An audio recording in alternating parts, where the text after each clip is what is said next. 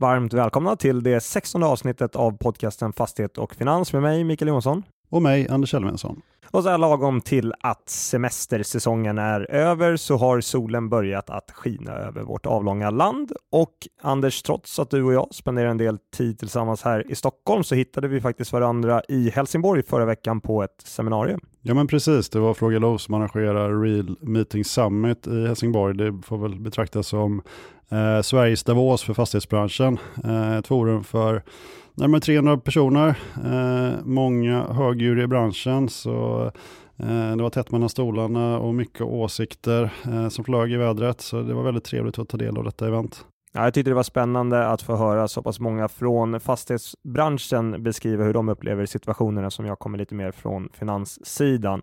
Eh, och sen så är det väl dags, eller dags vet jag väl inte, men vi ska väl pudla lite angående en rubrik vi satte på förra avsnittet.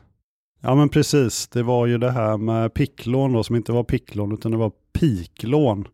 Och då får väl du förklara vad eh, PIK betyder där när det kommer till de här lånen. Ja men precis, PIK-lån på svenska eller eh, PIK blir väl lite mer eh, engelskt kanske. Det står för Payment in Kind och det pratade vi lite om vad det betyder i förra avsnittet. Men om vi pudlar lite där så kan vi väl säga, eller berätta om lite positiva saker också, att vi har startat höstsäsongen ganska starkt. Ja men precis, för nu har vi eh, 3000 lyssnare på förra avsnittet eh, och så även på intervjun vi gjorde med Lars Andersson, vd på Sotheby's, så ni som inte lyssnat på den får gärna göra det.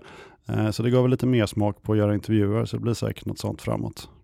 Ja, absolut. Någon intervju till ska vi hitta och eh, återigen förslag på vem ni skulle vilja höra delta i den här podden är bara att skicka till antingen mig eller Anders. Eh, men nog med administrativa saker, nu drar vi igång.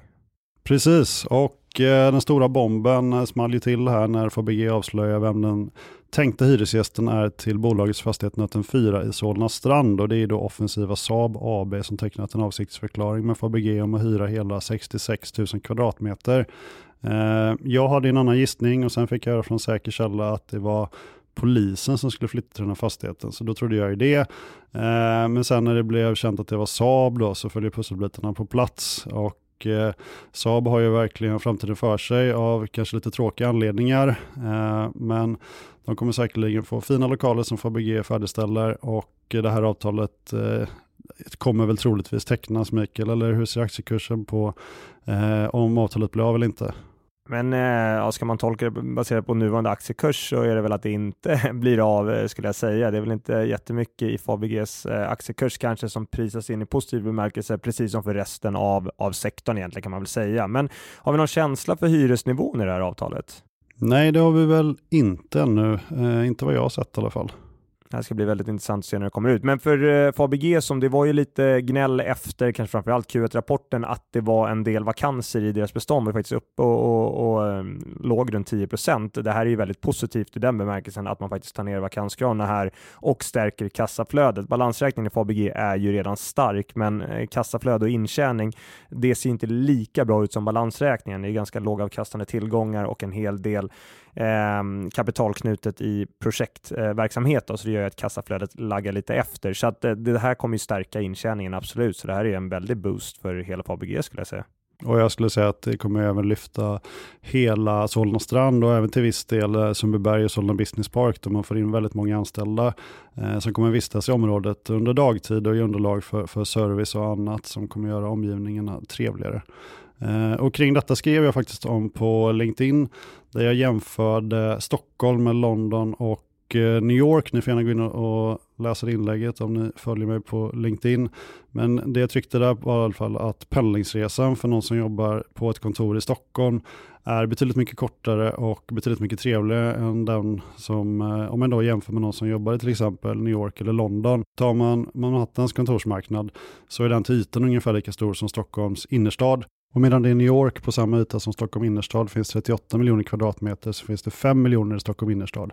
Eh, så det är klart, det blir en bökigare och längre pendlingsresa för den genomsnittliga kontorsarbetaren i eh, New York. Och kontorsarbetare i New York som bor i hus bor oftast större och har lättare att ha ett kontor hemma än motsvarande kontorsarbetare i Stockholm. Så det finns väldigt mycket som talar för att vi kommer vara fler som är på kontoren i Stockholm än i New York. Och det visar också på vakansgraderna nu då, där man ligger på drygt 22 procent i New York medan man ligger i Stockholm innerstad på ungefär 6 procent. Eh, så stora skillnader redan och jag tror utvecklingen kommer se olika ut framåt.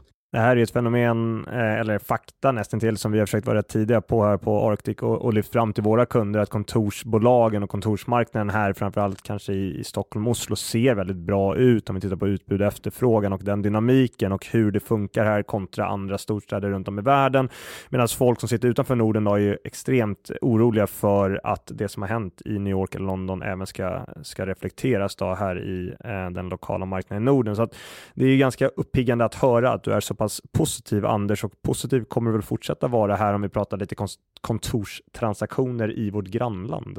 Ja, nej men vi har ju sett både Genesta och Niam eh, köpa kontor i eh, Finland senaste två veckorna sedan vi spelade in senaste avsnittet och eh, det har även kommunicerats att Niam på Gjutmästaren 5 i Ulvsunda i Stockholm som de köpte Eh, 2020 vill eh, bygga kontor på sikt. Eh, så här har vi någon som tror på kontor utanför innerstan i Stockholm. Det är kul att se. Sen vill jag bara lyfta att nu kommer det gälla att hålla tungan rätt i mun under hösten när man ser till kommunicerade affärer. Är det driftnetto 2023 eller 2024 som man använder för att beräkna den initiala avkastningen som ja, men både mäklare, köpare, säljare, värderare pratar om?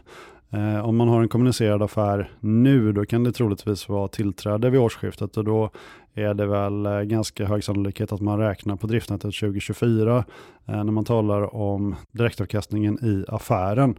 Eh, så det här är väl både bra för dig att hålla lite koll på Mikael, det gör du säkert redan, men även resten av marknaden. Absolut, det är väldigt viktigt att hålla koll på. Jag har ju funderat ganska mycket på det här, haft lite resonemang med kunder just det här att om man skriker efter högre nedvärderingar i bolagens rapporter så kan man absolut fortsätta göra det. Men man kan också fundera lite på för de kommersiella bolagen här vad det är som har hänt. För att de flesta där fick ju in ungefär 11 procent i indexuppjustering 2022. Nu tittar vi på någonstans runt 6-7 procent enligt estimaten så kommer in ytterligare och sen så kommer bolagen nog genomsnittligt landar på att man har skrivit ner värdena någonstans mellan, ja, ska vi säga 7 till 10 procent då, eh, för att dra ett snitt i sektorn när vi stänger böckerna för 2023. Så att absolut att värdena ska ner lite till, absolut att avkastningskraven ska isär lite till, men man ska också komma ihåg att en värdenedskrivning på 7-10% nu realt, när vi tittar på inflationen, så är den värdenedskrivningen ganska mycket större. Det tycker jag ändå är en bra poäng att ta med sig. Och så kan man väl ta en allmän spaning om räntorna som privatinvesterare får för att bistå utvecklare med kapital via plattformar som Tessin. Här tycker jag att eh, på de casen som jag får i min mailkorg att de har rört sig ganska kraftigt uppåt. Eh, nu senast var det ett Eh, projekt i Älta i Nacka kommun här i Stockholm där man kunde få 13% eh, årsränta eh, och då är det stadsradhus som man bygger. Tidigare så låg väl den här typen av årsränta i liknande projekt på ja, någonstans mellan 7 och 9 om jag minns rätt. Så här har man ju lyft eh, räntan ganska mycket som privatinvesterare får då på den här typen av plattformar. Och eh, det var väl samma sak eh, när det gällde byggkreditiv från bankerna, att man nu eh, låg närmare europeiska nivåer eh, som det tidigare också varit på någonstans mellan 7-10% medan man tidigare från de svenska bankernas sida varit väldigt generösa och sett till en helhetsaffär snarare och gett väldigt förmånliga villkor under själva byggnationsprocessen via de här byggkreditiven. Eh, så det slår ganska hårt på projektutvecklarnas kalkyler.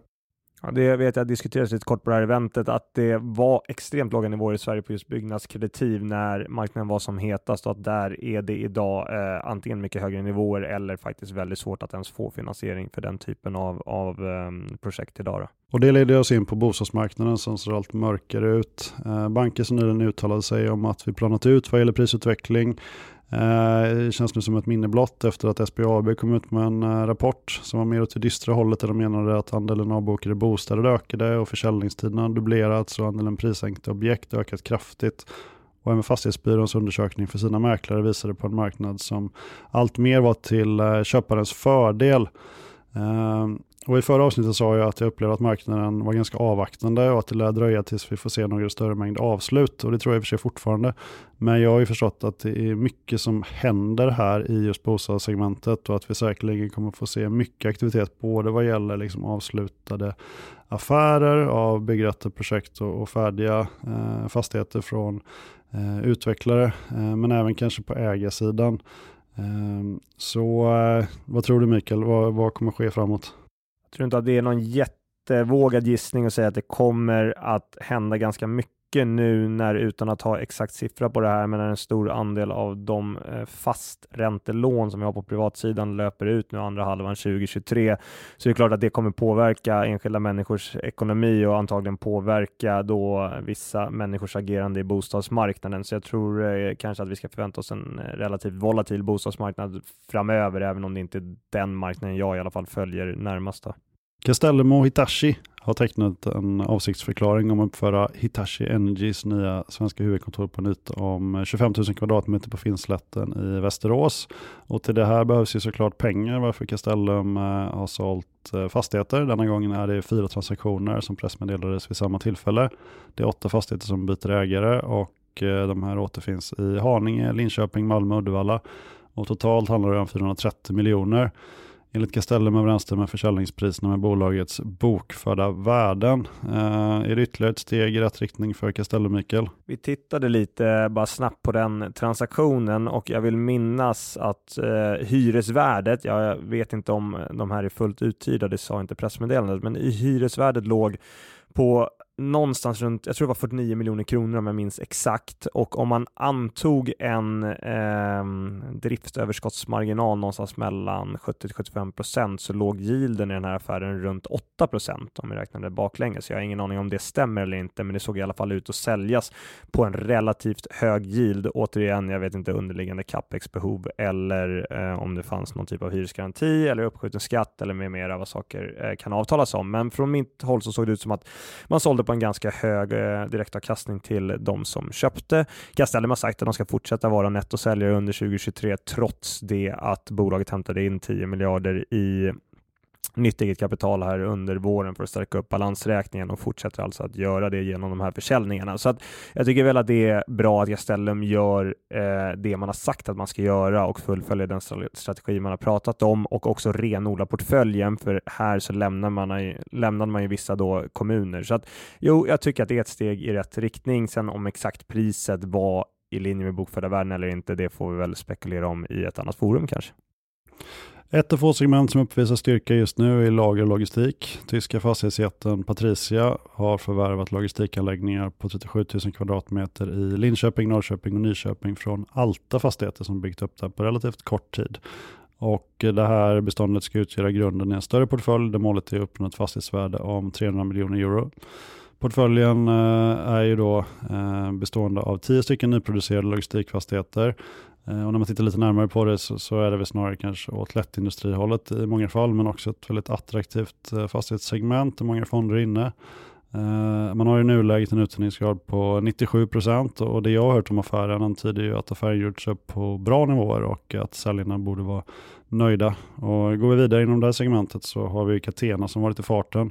Bolaget har förvärvat två stycken logistikfastigheter där man delvis bedriver tillverkning Eh, i Göteborgsregionen av Bra-koncernen. Här till ett underliggande fastighetsvärde om eh, 246 miljoner och ett driftnetto vid färdigställande om 14,5 miljoner. Så eh, det här motsvarar ungefär 5,9 procent i direktavkastning. Vad jag utgår från är då på 2024 års nivå. Nyproducerade fastigheter i relativt bra läge skulle jag säga, som är miljöcertifierade med genomsnittlig kontraktstid på åtta år. Ehm, Mikael, har du någon kommentar till Catenas eh, köp här? inte mer än det vi pratade om med Sagax i alltså, förra avsnittet så gick Athena lite i samma position. De gjorde en nyemission under hösten eh, 2022, egentligen inte för att man var tvingad eller hade behovet av att göra det för att fortsätta sin dagliga verksamhet, utan mer tog man in pengar för att fortsätta kunna växa och eh, genomföra sin tillväxtstrategi i den marknad vi nu befinner oss i. Så det är väl bra eh, att man sätter de pengarna i arbete, tänker jag.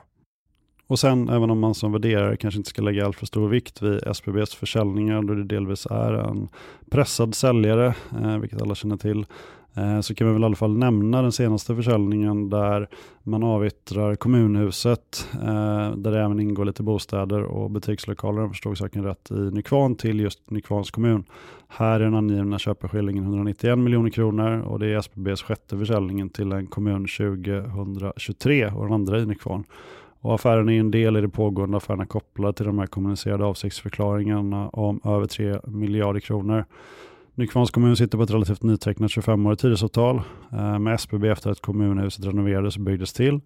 Och affärsvärden fick tag i kommunstyrelsens ordförande Anders Örnbäck som sa att de uppvaktat SBB om att få köpa loss fastigheten och att eh, Anders då sa att för de återstående 22 åren hade vi eh, kvar att betala 250 miljoner i hyra. Nu köpte vi kommunhuset plus eh, några andra fastigheter.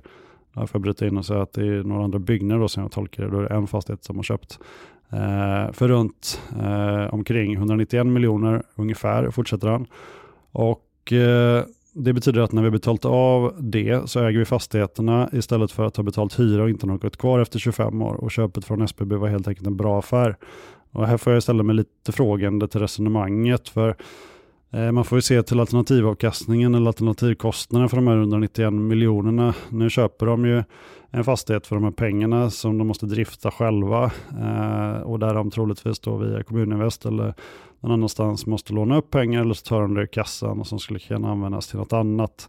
Eh, så ja, jag tycker resonemanget haltar lite grann.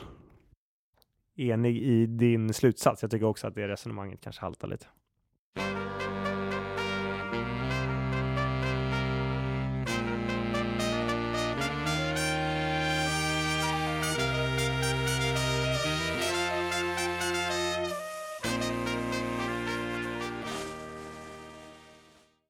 Fastighet och Finans är även denna vecka inspelat i samarbete med Fastighetsvärlden. I snart 40 år har Fastighetsvärlden genom konferenser, magasin, nyhetsbrev och hemsida levererat marknadsledande nyhetsbevakning av Sveriges bygg och fastighetsbransch. Och I detta avsnitt vill vi lyfta fram fastighetsvärldens förmåga att sätta nyhetshändelse i en historisk kontext. Vi kan till exempel ta Fabeges uthyrning till Saab i Solna som vi talade om. Fastighetsvärden kunde direkt sätta uthyrningens storlek i relation till årets uthyrningar och även senaste decenniernas uthyrningar, vilket blir väldigt intressant att läsa om. Ja, alltså fastighetsvärdens topplistor är definitivt värda att ta del av under analys och fakta i huvudmenyn på hemsidan. Om jag minns rätt så är uthyrningen till Saab endast slagen av en av ABGs tidigare uthyrningar till SEB i Arenastaden. Och ska vi tala om någon annan som dominerar listorna så är det väl då en rep. För nu efter sommarsemestern så kan det vara en god idé att ögna igenom de största fastighetsaffärerna som genomförts under 2023 och borträknat AMFs aktieaffär med AP7 så innehas platserna 1-5 av en rep. Snacka om att sätta avtryck i marknaden. Verkligen. Och vi vill även uppmärksamma er på att det fortfarande går att anmäla sig till Fastighetsdagen i Örebro som går av stapeln imorgon och Köpcentrum i butiker som arrangeras den 14 september på Grand Hotel i Stockholm. Vi kan varmt rekommendera er att ta del av de senaste nyheterna från fastighetsbranschen genom fastighetsvärldens olika kanaler.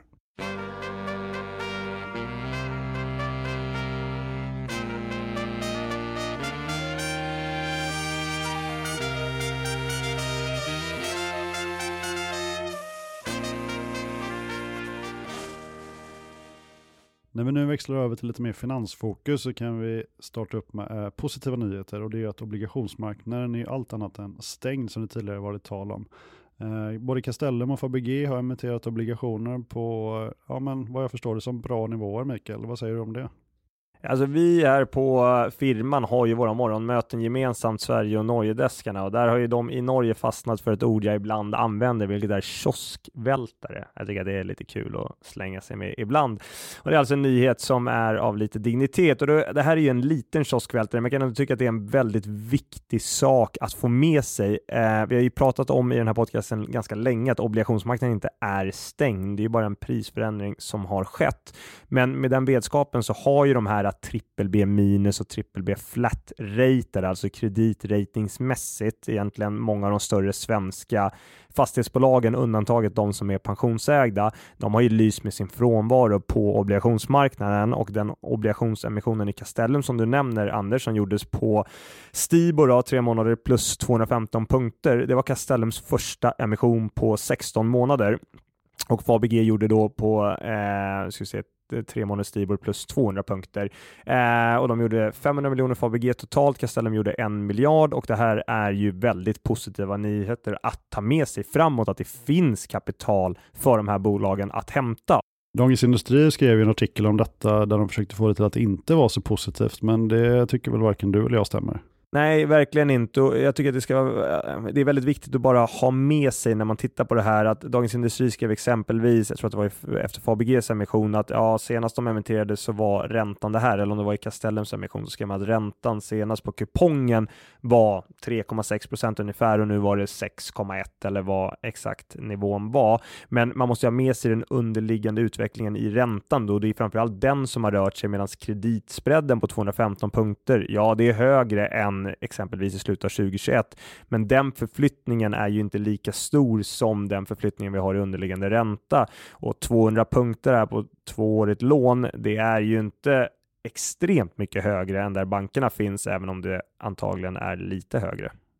Om vi ska använda oss av ordet kioskvältare så var väl det snarare att Sagax får en stärkt investment grade rating av Modys. Eh, vad säger du om det då Mikael? Ja, de senaste 18 månaderna har vi inte varit bortskämda med positiva ratingförändringar direkt, så det är bara att gratulera Sagax. Vi pratade om dem i senaste podcastavsnittet. De har ju haft en, eh, ett kassaflödesfokus under väldigt, väldigt lång tid och jag tycker väl att den här uppgraderingen är en konsekvens av det samt man ska inte glömma bort den nyligen gjorda eh, aktieemissionen som stärkte likviditetsprofilen tillräckligt mycket för att Moody's då äntligen får jag säga skulle trycka på uppgraderingsknappen för de har haft Sagax på en positiv outlook eh, på deras BA BAA3 motsvarande BBB minus då, nivå ganska länge så jag tycker det här var lite på tiden. Eh, men det är inget trendbrott när det gäller ratinginstitutens agerande mot svenska fastighetsbolag, tyvärr, utan Sagax är nog ett lite undantaget som bekräftar regeln. Du Mikael, vad har ett Granhult och Fjärde AP-fonden gemensamt? Eh, de har väl köpt aktier i Logistea nyligen va? Precis, och Logistea pratade vi om i senaste avsnittet. Och sen dess har aktien gått riktigt bra. Eh, det är väl delvis på grund av eh, förändringar i ägarledet, men även det faktum att Rickard Bråse på Dagens Industri släppte SBB för en sekund och publicerade en köprek på Logistea. Har du läst Bråses köprek? Har du någon kommentar till bolaget? Ja, men jag har faktiskt läst hans eh, köprekommendation och eh, jag ska säga här att vi har inte officiell täckning på Logistea så andra kan det här nog bättre än vad jag kan. Men när jag pratat med bolaget så verkar det som att man operationellt är väldigt nöjda och glada med hur utvecklingen går, vilket vi vet ju att segmentet går bra och efter den stundande nyemissionen som man nu genomför så tar man ju bort det största refinansieringshotet. Så Bråse här, han lyfte väl, när jag läste artikeln i alla fall, så tyckte han tryck mest på, eller tryckte mest på, eh, en låg vakans, en hög implicit yield då, givet nuvarande värdering på börsen och en begränsad finansiell risk efter nyemissionen. Så ja, i den miljön vi, vi befinner oss i så låter ju det spontant attraktivt. Och även om vi saknar institutionerna på direktmarknaden för fastigheter så är de ju faktiskt ganska aktiva på aktiemarknaden. Eh, nu var det ju då senast AP4 som eh, tog vid efter dragfast i Logistea och eh, som jag förstår det Mikael så kan ju stark ägare också vara positiv sett till bättre förhandlingsläge med banker och, och även kanske vi Eh, när man emitterar nya obligationer eh, och även rulla obligationer. Och då institutionen har en allokering eh, som de måste rätta sig efter mellan tillgångsslag och direktägda fastigheter kanske inte gått ner lika mycket som till exempel aktier från toppen så borde det finnas mer utrymme för att köpa aktier i fastighetsbolag eh, och då kanske främst börsnoterade sådana än direktägda fastigheterna. Är det så här institutionerna ska rädda inom citationstecken, fastighetsbranschen?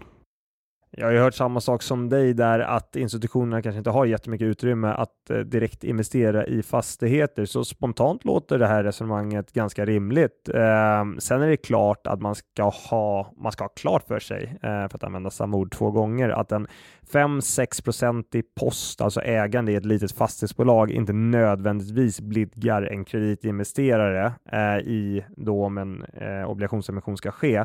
Men netto netto, allt annat lika, är det såklart positivt. Och framförallt har ju dessa aktörer de finansiella musklerna för att stötta vid nyemissioner om detta till slut ändå anses nödvändigt. Så jag tycker att eh, resonemanget är rimligt. Eh, men jag vet inte vad du Anders har hört om institutionerna, hur de ser på direktmarknaden nu ändå, om man kan förvänta sig att de kanske är lite mer aktiva framöver eller om det är fullt i allokeringen för att köpa fastigheter helt enkelt. Nej, men vi, vi har ju ganska många institutioner som är aktiva inom olika segmenten, så det beror nog helt på hur allokeringen ser ut eh, inom respektive pensions eller, och eller försäkringsbolag. Då. Eh, så det går inte riktigt att dra alla över en kam där som jag förstår det. Mikael, du gick ut med en eh, nyhet kopplad till Svenska Nyttobostäder som jag läste. Då har jag till på att det stod ICR 0,7, alltså räntetäckningsgrad 0,7 Eh, vad är det som händer här? Ja, vi fokuserar ju mycket på räntetäckningsgrader i det här marknadsläget, eh, framförallt när vi skriver våra kreditkommentarer, så att det lyfts ju ofta upp då som en headline när vi tittar på olika bolagsrapporter.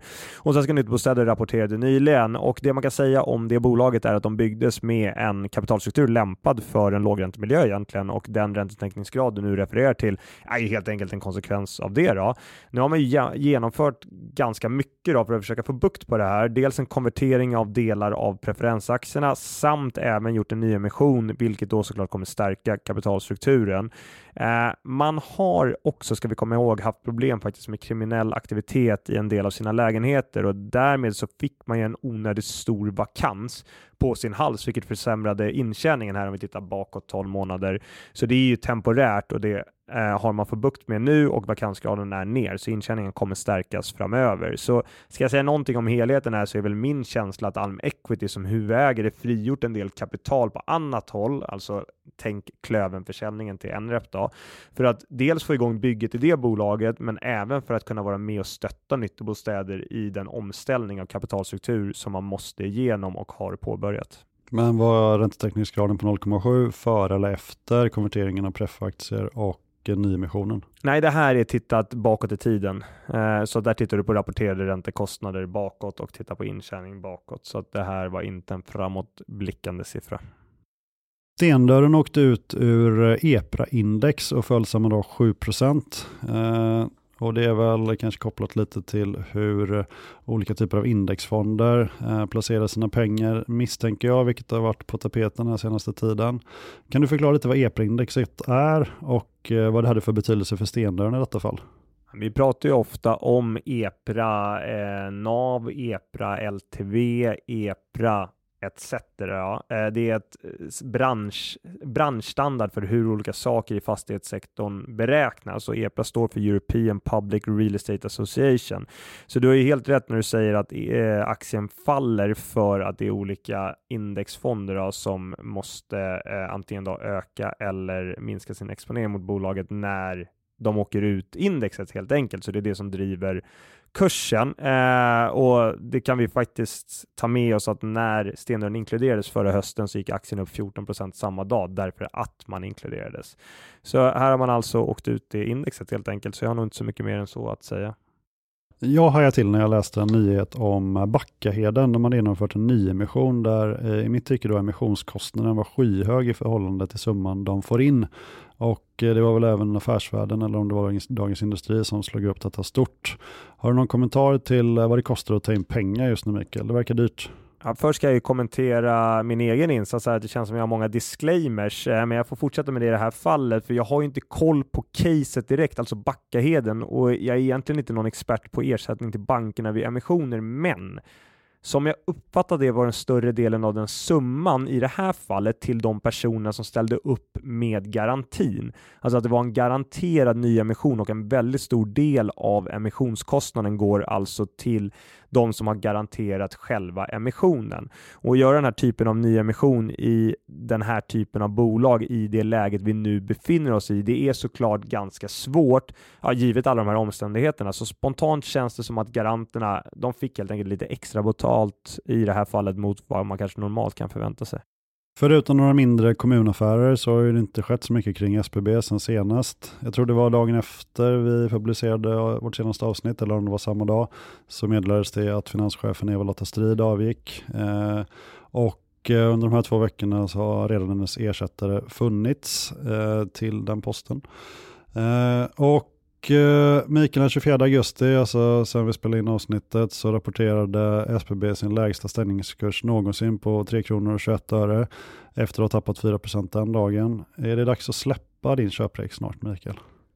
så här är det ju att vi har ju den vyn vi har till något annat publiceras publikt, alltså inte i detta forum utan tills det att vi officiellt ändrar riktkurs och rekommendation. Så din fråga kan jag tyvärr inte svara på, men jag kan säga det jag sagt tidigare, nämligen att risken i SBB-aktien är hög och på många sätt är caset ganska digitalt i att aktien antingen har ett nollvärde eller ska handlas runt 9-10 kronor. Och när vi nu är på så låga nivåer som vi är kursmässigt är en vändning vanligtvis ganska svår att få till men inte omöjlig. Men mer än så kan jag nog tyvärr inte säga. Ska vi avsluta med en lite speciell nyhet, eller en video som varit omtalad i branschen. Joakim Kuylenstierna tog precis över ordet eh, för Fastator vartefter CFO lämnade. Jag vet inte om de kan kopplas ihop på något vis.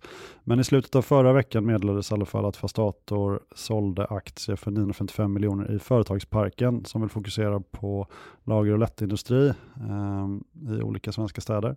Och jag vet att du grävt eh, sig upp till kunnat till den här affären samt sett den här videon, eller om man vill kalla det dimridån, som Joakim Kuylenstierna medverkade i både en och två gånger. Vad har du för kommentar? Ja, Anders, vad ska man säga? Eh, även om jag någonstans applåderar kreativiteten och viljan att kommunicera så är det svårt att få ihop upplägget i den här dealen där man i videon hävdar att köparna är starkare än många svenska banker. Det är, ett ganska, det är ett ganska matigt citat att ta till sig. Men samtidigt ska alltså de här köparna betala större delen av eh, köpet av aktier i företagsparken genom en revers. Och givet då att fast stater behöver pengar nu så reagerar man ju lite på detta. Och sen om jag får spekulera helt vilt så tror jag att pengarna från reversen kommer gå oavkortat till den aktör som ställt upp med lånet på 750 miljoner till Nordakt som är ett eh, helägt dotterbolag till Fastator. Eh, och givet sen att man skriver att resterande del av den här summan som man har sålt för ska gå till att betala av skuld i dotterbolag så blir det i alla fall i mitt huvud noll kronor kvar att betala tillbaka obligationslånet med som har förfall i september månad. Jag kan ha helt fel här, det blir ju ren spekulation, men utan mer information så är det svårt att vara säker. Så att ja, en dimridå var väl ganska bra beskrivet. Och du, eh, det var väl en ganska stark insats av oss efter att vi båda har varit trötta efter helgens, för din del festligheter, för min del eh, det har jag tagit hand om barn när min fru sprang Göteborgs maraton. Under fem timmar faktiskt, för en liten eloge där, bra jobbat. Eh, jag skulle vilja pusha för en sak innan vi slutar och det är Sepprefs årliga finansieringsseminarium som arrangeras nu på onsdag, alltså imorgon. Eh, klockan nio och ni kan anmäla er till det genom att gå in på Samhällsbyggarnas hemsida och klicka på kalender. Och det är duktiga Birgitta Lejon som jobbat på svenska och tyska banker som eh, är moderator och sen är det Maria Gilleholm på Moody's och Louis Landeman och Marcus Gustafsson på Danske Bank som är med i eh, det här seminariet. Det håller på en timme och jag tror man kan lära sig en hel del faktiskt. Det tror jag också. Eh, Maria har jag jobbat med själv på Swedbank en gång i tiden. Hon är nu den som sitter på Moody's och alltså ratar, eh, sätter kreditratingar på väldigt många av de här svenska och nordiska fastighetsbolagen. Och Lou är ju eh, en person som är erkänt väldigt duktig. Han har varit på Danske Bank länge, kan kreditmarknaden och obligationsmarknaden väldigt, väldigt väl. Eh, så det där är ett seminarium som jag gärna i alla fall skulle vilja lyssna på. Och sen kan vi väl faktiskt unna oss lite personlig reklam här. Eh, man får gärna följa oss på LinkedIn. Eh, fått lite förfrågningar på slutet, det är jättekul. Och om ni vill ha det eh, veckobrev som jag skickar ut i branschen, eh, kommer ut varje fredag, försöker sammanfatta lite de eh, ja, trender och spaningar vi ser i sektorn eh, och även de nyheter som har skett så är det bara att mejla mig idag på mikael med ch. Johansson at arctic.com. Och mig kan ni mejla om ni vill beställa värderingar eller analyser kring fastighetsmarknaden på anders.elvinsson kurswake.com. Och även om jag har eh, sysslat med lite disclaimers under avsnittet så får jag väl göra det jag alltid gör och påpeka att allt det ni hört i detta avsnitt ska varken tolkas som en köp eller säljrekommendation i något finansiellt instrument. Stort tack för att ni lyssnade. Stort tack, hej då.